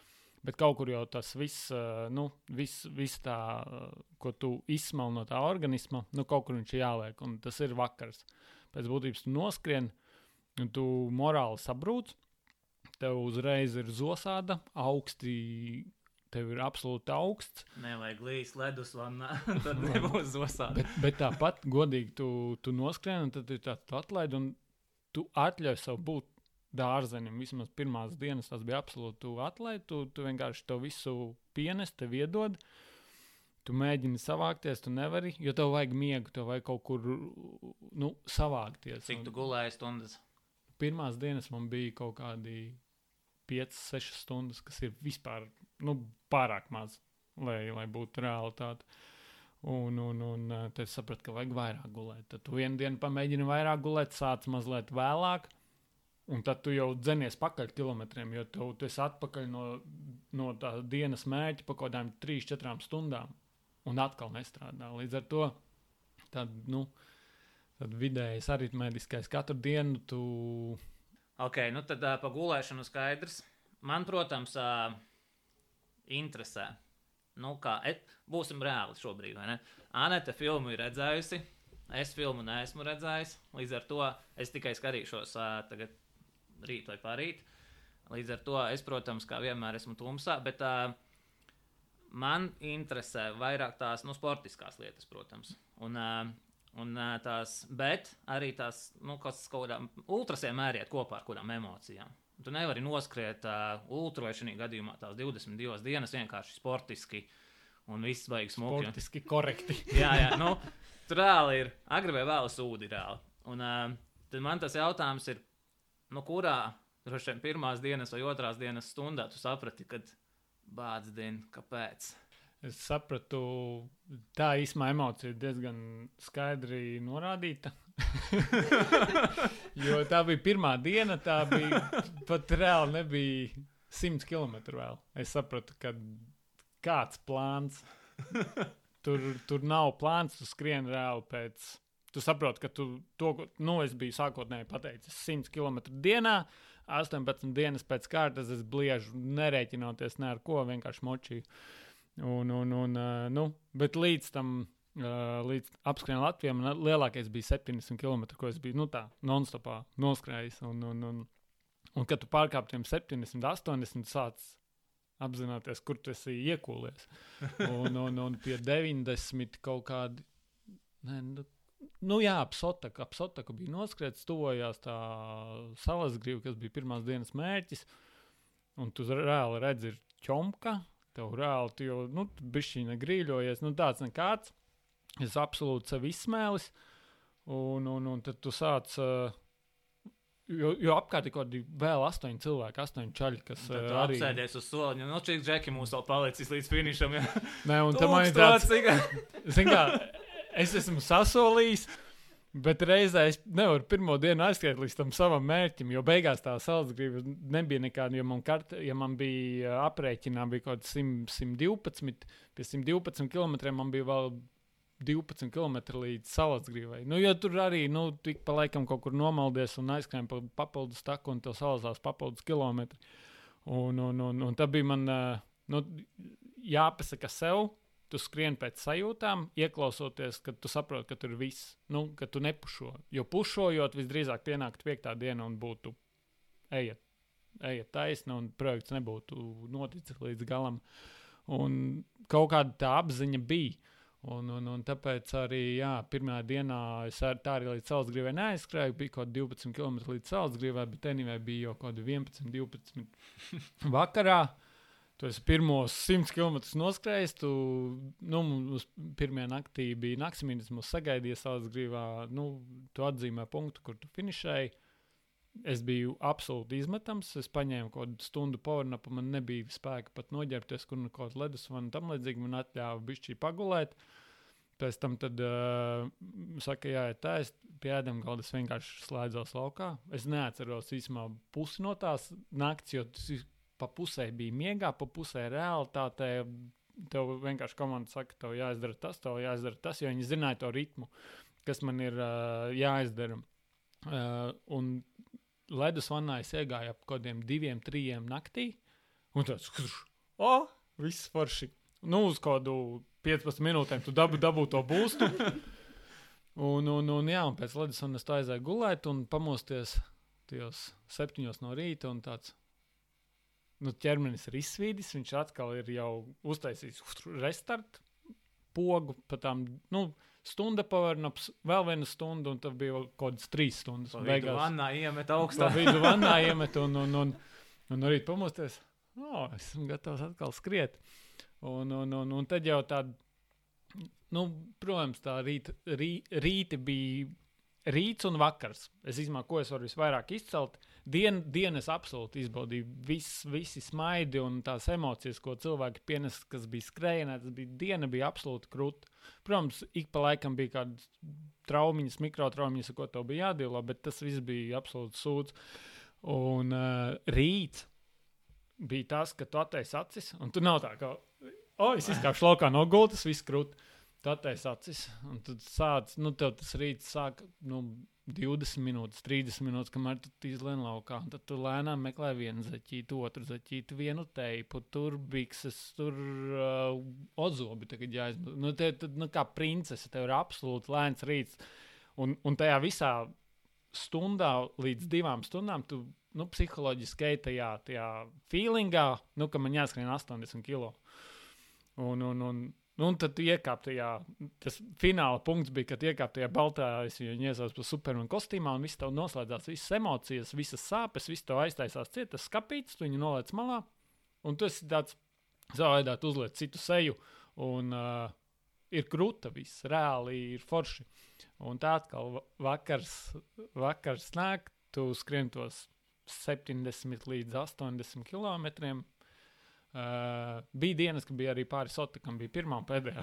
Liekas, pāris Bet pārējās bija jā. Negribēja jūglā palikt, jā, vai kuras puses tu nāc? Otras no. un, un, un, uh, un tad bija, jā, un vakars, un vakarā tu atlaidu emociju, un tu reāli tiešā veidā sabrūc. Pirmās uh, sešas dienas nerunāju vispār ar ģimenes tuvākajiem locekļiem, tāpēc, ka es negribēju ļauties kaut kādam sentimentam kaut kādam, nu, kad, oh, beidz, ko tas ir moki, kāpēc to dari pāri, un, un, un nu, psiholoģiski ielaist kaut kādu vājumu. Jo man joprojām bija nedrošība, kas notiks reāli.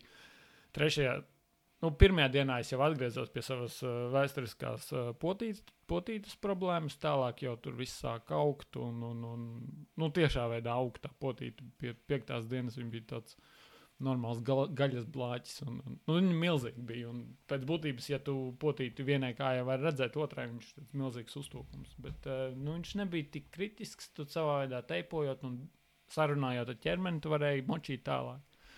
Kad pienāca tas uh, mirklis, varbūt, kad okay, nu, tā pirmā, pirmās dienas vakars bija mirklis, kad tu saprati, ka nu, ir pakaļā reāli, jo tev vēl ir garš ceļš priekšā. Nu, jā, tu bet, saprati, ka jāskrien pēc, pēc sajūtām. Jā, un, bet kad pienāca tas mirklis, kad tu saprati, ah, nu viss tagad tā, nu, ka vairāk mani neapturēs nekas. Tā bija, man liekas, Bauska. Te tas bija kaut kāds pusceļš apmēram, jā. Nē, tas, nu, 70%, 70%. Izdarīts. Tad Bauskā man pienāca feelings, kad reāli līdz liepājai līdz kolkai, un es būšu Rīgā. Man pirmo reizi mūžā pa visām tām dienām uznāca kaut kāda vizualizācija, man jātiek līdz turienei, līdz turienei, un es būšu atpakaļ. Jo līdz tam es dzīvoju no dienas no dienas, un, un, un visu laiku, kā kaut kas beidzās, nezinu, ja potīta sāk palikt stabilāk, sākās caurēji, sāk, beidzās caurēji, sākās gūža, sākās gūža, tad aiziet uz celi. Un visu laiku, kaut, un pat Rīgā skrienot iekšā 21. dienā, pus vai 22. Nu, tā ir oficiāli 22. diena. Man reāli līdz brīvības piemineklim, man reāli ceļš, ka cels krīt laukā. Nu, šis IT bands, viņš kaut kur ļodzās. Visi tur, oh, jā, jā, finišs, kāds finišs man kā ir. Nu, pilnīgi. Pilnīgi. nebūs kāja. Jā, un, un reāli tu skrien, es nezinu, jums ir bijis tas IT bands, ka viņš tur ļodzās, un tā sajūta, taču, ka cels krīt laukā.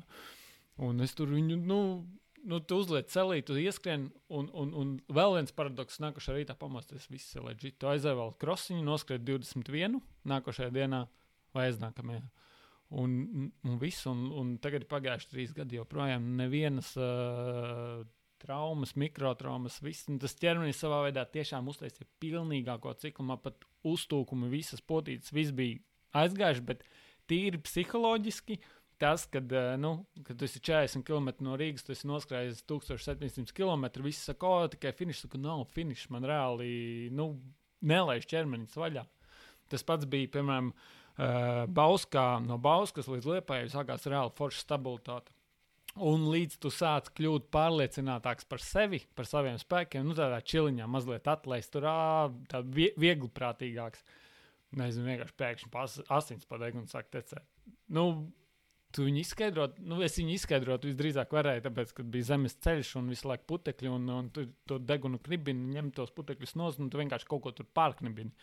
Bet, anyway, tas uzreiz, a, kāpēc? A, kas? A, bet taču, es reāli jūtos labi, es varu skriet vairāk. Nē, šo visu metam mieru. Nu, kad tu ieklausies visās tajās mm. zīmēs, ko ķermenis saka, un, un, un arī filmā var redzēt, ka tā diena pirms uh, Ventspils, tur pie jūrkalnes, uh, ka bija, nu, arī viss kārtībā, un tu no rīta pamosties un ikrs, tev ik, ikrs kaut, kaut vienā vietā. Tagad tu nevarēji uzsākt skriet, Jā, vai ne? man, es, pilnīgi bez feikošanas. Tas bija. Es nevaru uzspērt kāju, un tu kā šūnu mašīnu noskrien 10 km no tāda pusotra kāju, un tu viņu lauzt to ķermeni 5 km paiet, maini teipu.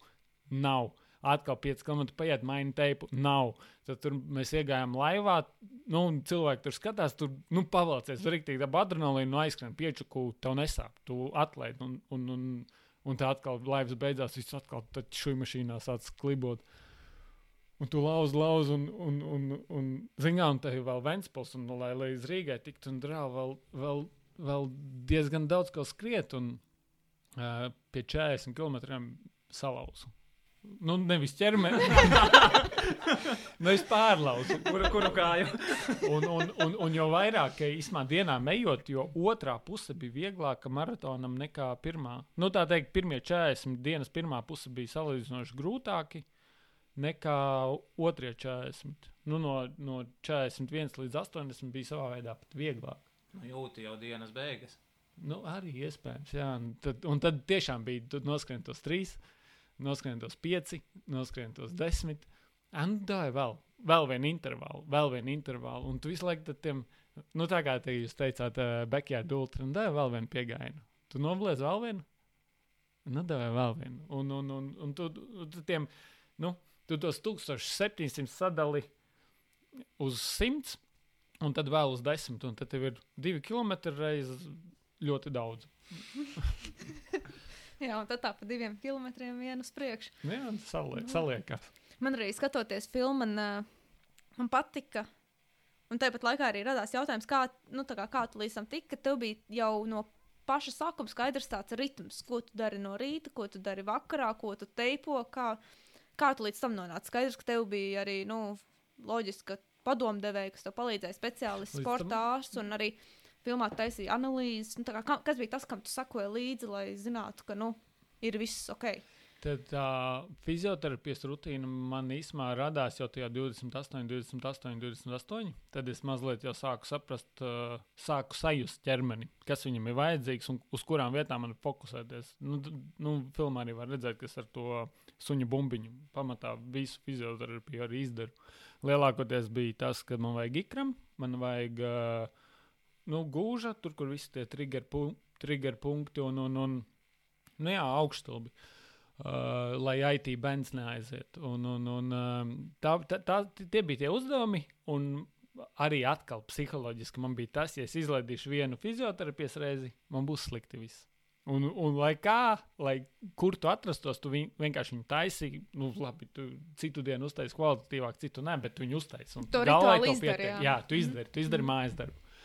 Un, un, un, uh, protams, pirms skrējiena, pirms skrējiena, jā, Andris jau pieminēja, ka uh, tie kilometri bija salīdzinoši maz, ko es absolūti atzīstu. Es skrēju salīdzinoši ļoti maz, bet es vairāk gāju uz, uz, uz fizioterapiju, tīri dziļo muskulatūru. Vienkārši presītas, kuras iemācījos, kad reāli ir tāda presīta arī, pa kuru tur reāli Kuru var redzēt. kuru var redzēt.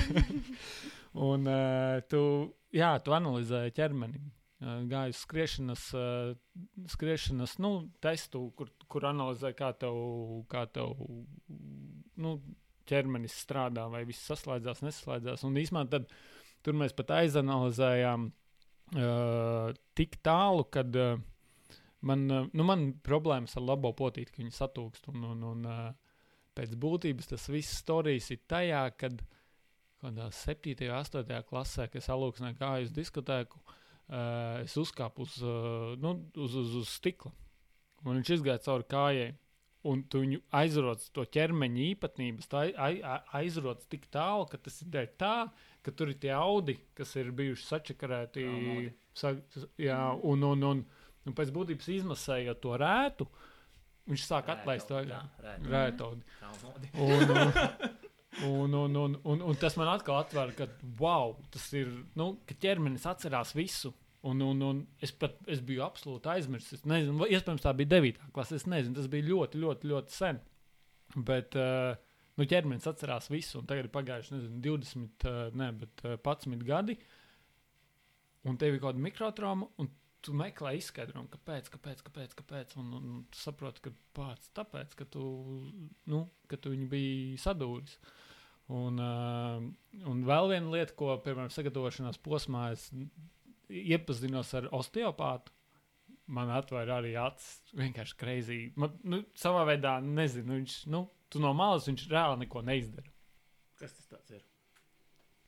Dakteris, kas e- es pat nemāku izskaidrot godīgi. Nu, bet Principā cilvēki- nepieskaroties. Jā, cilvēks saliek vietā. Man, man pēc būtības nepieskārās, uh, u, bet reizē ar, ar es pat nemāku izskaidrot. Izdarīja maģiju un viss Jā, bija izdarīja maģiju. super. Jā, Mm. un es pieceļos no tās gultas un tāds. Viss. Jo, jo man bija no, nu, tāda noslēgta uh, vairāk uz, uz, uz sliekties uz, uz labo kāju, un labā spēcīgāk, un viņa kompensē kreiso. Un tu piecēlies nu, pēc tās procedūras ar osteopātu, un tev tu jūti, ka tu stāvi uz abām. Atkal, nu, protams, es nezinu, no malas liekas, nu, kaut kāda mistika, bet uh, nu, es to jūtu absolūti. Līdz ar to nu, tas atkal, cik ļoti tu pazīsti savu ķermeni. Un, tu, un tev tur ir vēl ko rakt, un ko tu vari iepazīt. Un, manuprāt, pēc katra maratona ultras tu viņu iepazīsti labāk. Tu zini, kādas mazas features. Un, man, nu, un, tad, un kad tu vienreiz gadā, vai vienreiz pusgadā, vai vienreiz divos gados trāpi to perfekto scenāriju, ka tev viss saliekās, un tu finišā, un tev ir tāds vai nu uzvara, vai sava uzvara, un, nu, un tev ir tāds absolūtais gandrīz. Tāpēc, tāpēc tas ir vajadzīgs, nu, tās emocijas. Nu, skaidrs, ka arī nu, jā, diezgan daudz šādā. Cik tu Pasākumā. sākumā? sākumā, cik beigās? 72 sākumā, 72 beigās. Wow. Nu, kā tu to panāci? Īsumā tā bija arī vēl viena lieta, ka man svars nekritās, un tas bija tā, iekšējā ticība, ka es daru pareizi visu. Protams, sākumā tur bija žēlējies, bija batoniņi, bija pirms sacensību, nu, labi, pirms dienas uh, uztura dzēriens un pēc atjaunojošais, un, un tu, tu viņu dzer, un pēc otrās dienas, un pēc trešās dienas tas cukurs, tas viss saldums paliek tik pretīgs. Un tu tev ķermenis vairs neņem pret viņu dzer, un tu, nu, uz korķa tev rauj, tu viņu nevar dabūt lejā. Un, un, un tad tu vienkārši sāc slēgt laukā, ka nē, nevajag to, nevajag to, nevajag, nevajag visu šo ten sportā nutrition. Cik Jā. dienas bija ar sporta uzturu?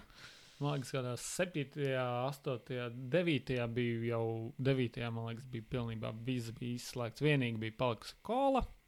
Kas ir, Kas ir ā, galvenais sporta uzturs? Tas Jā, ir, ir absolūti pamatakmens labākais. ultrās. Ūdens, kola, banāni un uz urā. Vīnogas man vēl garšoja tajā laikā. Un, un, un, uh, bet kas Izklausās, ka vairs nē. Bet, uh, jā, ar to ēdienu bija. Tur, man liekas, jau trešajā dienā, kad mainījās pirmais, nu, viens no komandas dalībniekiem, bija Jučiks jau stāstīja, ka viņš nezina pats, ko viņš grib. Viņam vienkārši piedāvā, o, tu gribi avokado, vai tu gribi rīkstus, vai tu gribi karbonādu, vai tu gribi salātus, vai tu gribi to. Uh, es gribu šodien to. Tev nav ne jausmas, ko tev prasās, bet tev reāli gribās normāli maltīti. Un tas bija arī pamatā, ka tu ēd, tu ēd daudz, tu ēd skrienot, tu ēd pusdienas, tu ēd brokastis, tev atved milzīgu banānu kasti, tev divās dienās viņas nav. Tu viens pats vienkārši ielobi visu iekšā, tev svars nekrītās, tev viņš nepaliek lielāks, bet nu, viss savā veidā pāraug tādā vienā lielā muskulī. Jo es pirmoreiz biju uzkačājis tik krūta presīti, bet skrienot reāli bez vingrinājumiem, man bija presīti izstrādājusies perfekti pēc tā skrējiena. Nu, līdz ar to skriešanu var, var uzskačāt presīt tikai daudz jāskrien. Tikai apkārt Latvijai. Jā.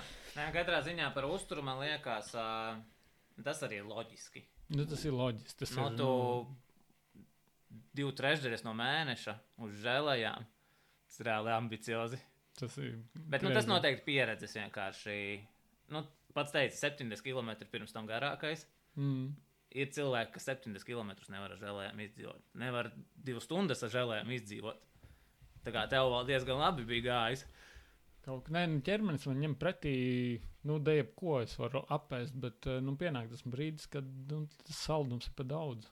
Tev īstenībā Jā. vairāk, jā, vairāk uz sāļu gribās. Tāpēc jau tagad ir žēlējis vairāk ar sā, sā- sāļumu un, un tas cukurs ir. Labi, cukurs nekur nepazūd, bet. Uh, Viņš tiek nomaskāts. Kolā. Kola. Bet jā, no kolas nešķibināja. Tas arī vēl viens tāds paradoks. Pēc tam sūtījām tikai kolas un ūdeni.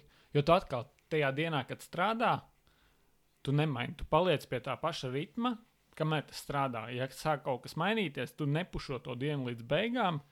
Tu maini uzreiz. Tu, tu noskrien to, nezinu, pusmaratonu, pusmaratonu tad pamēģini, nezinu, pamainīt teipu.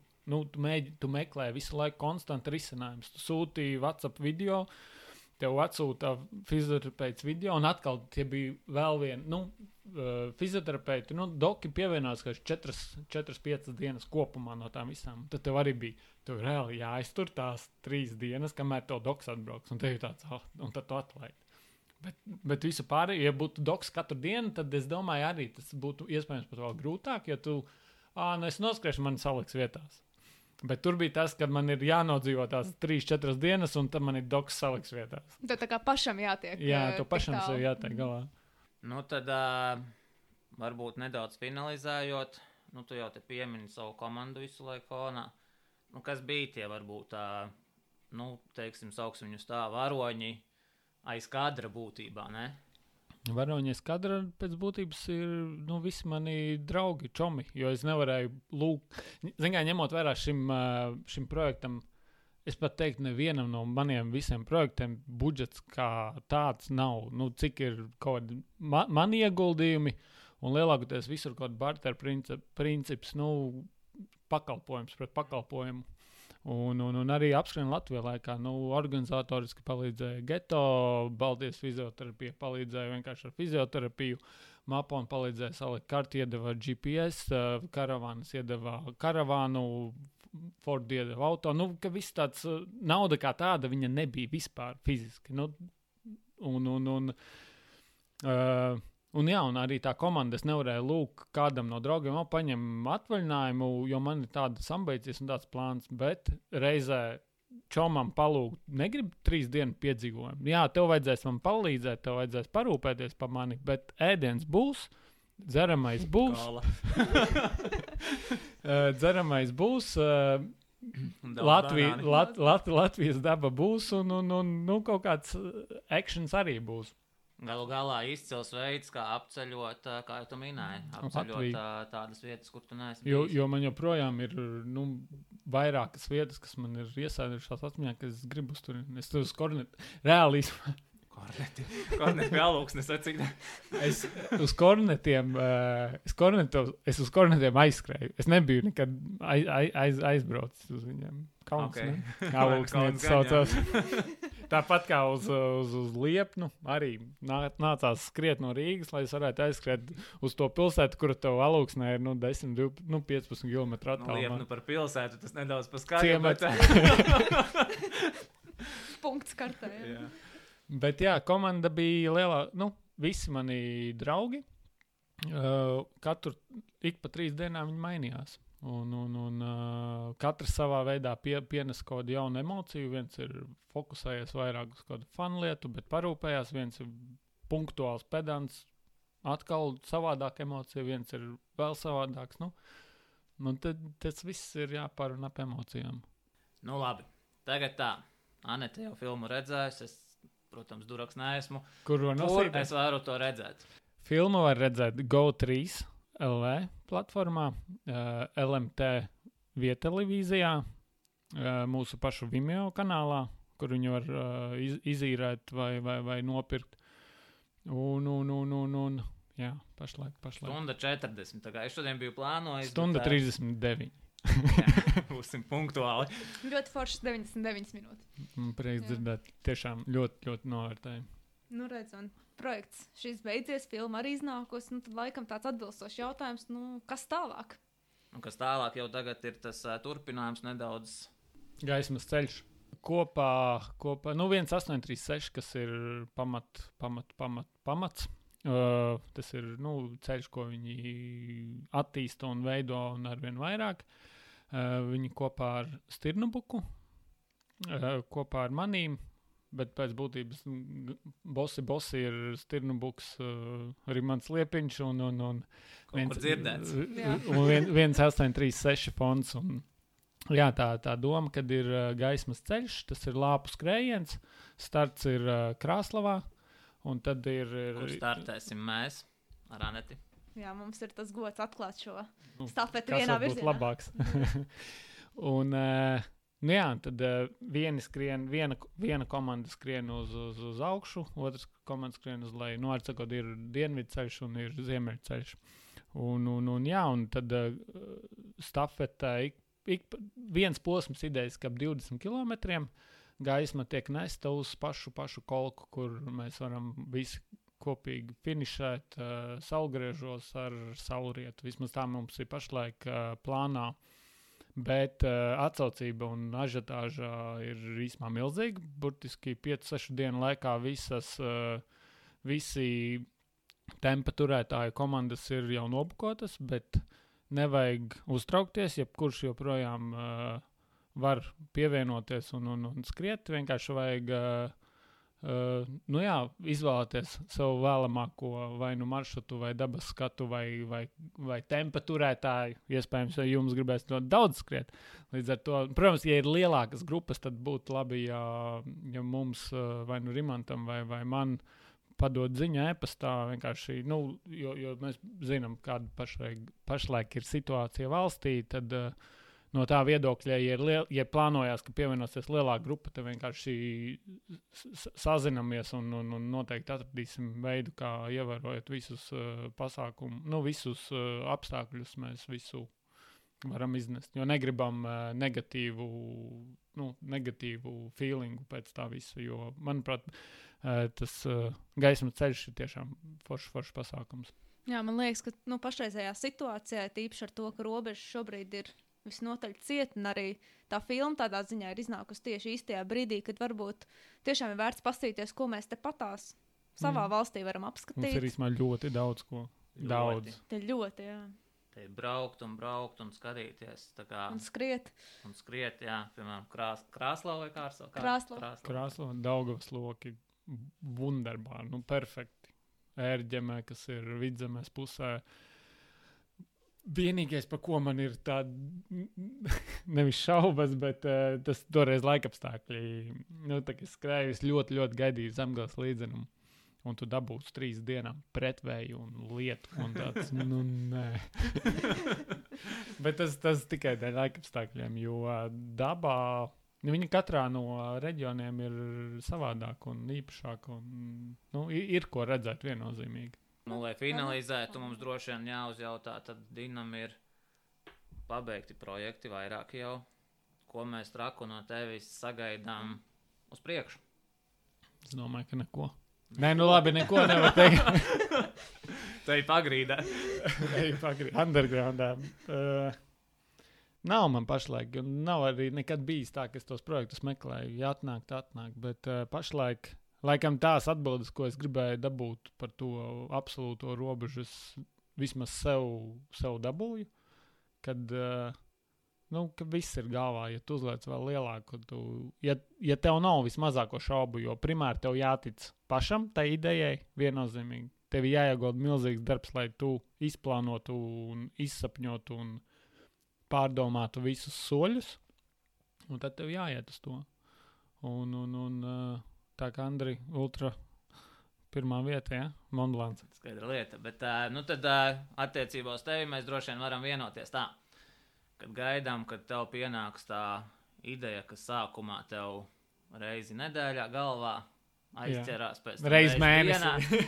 un pēc tam jau ik pa pāris stundām, un tad jau būs arī dzimis droši vien dabīgā veidā nākamais, nākamais Jā, projekts. iespējams. Nu, mēs jau nezinām, kas būs pēc nedēļas, pēc mēneša, pēc gada.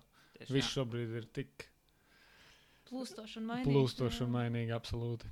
Visādi citādi tiekamies takās, ne? Jā, Tiekamies tiekamies. tā kā. Čau! Čau!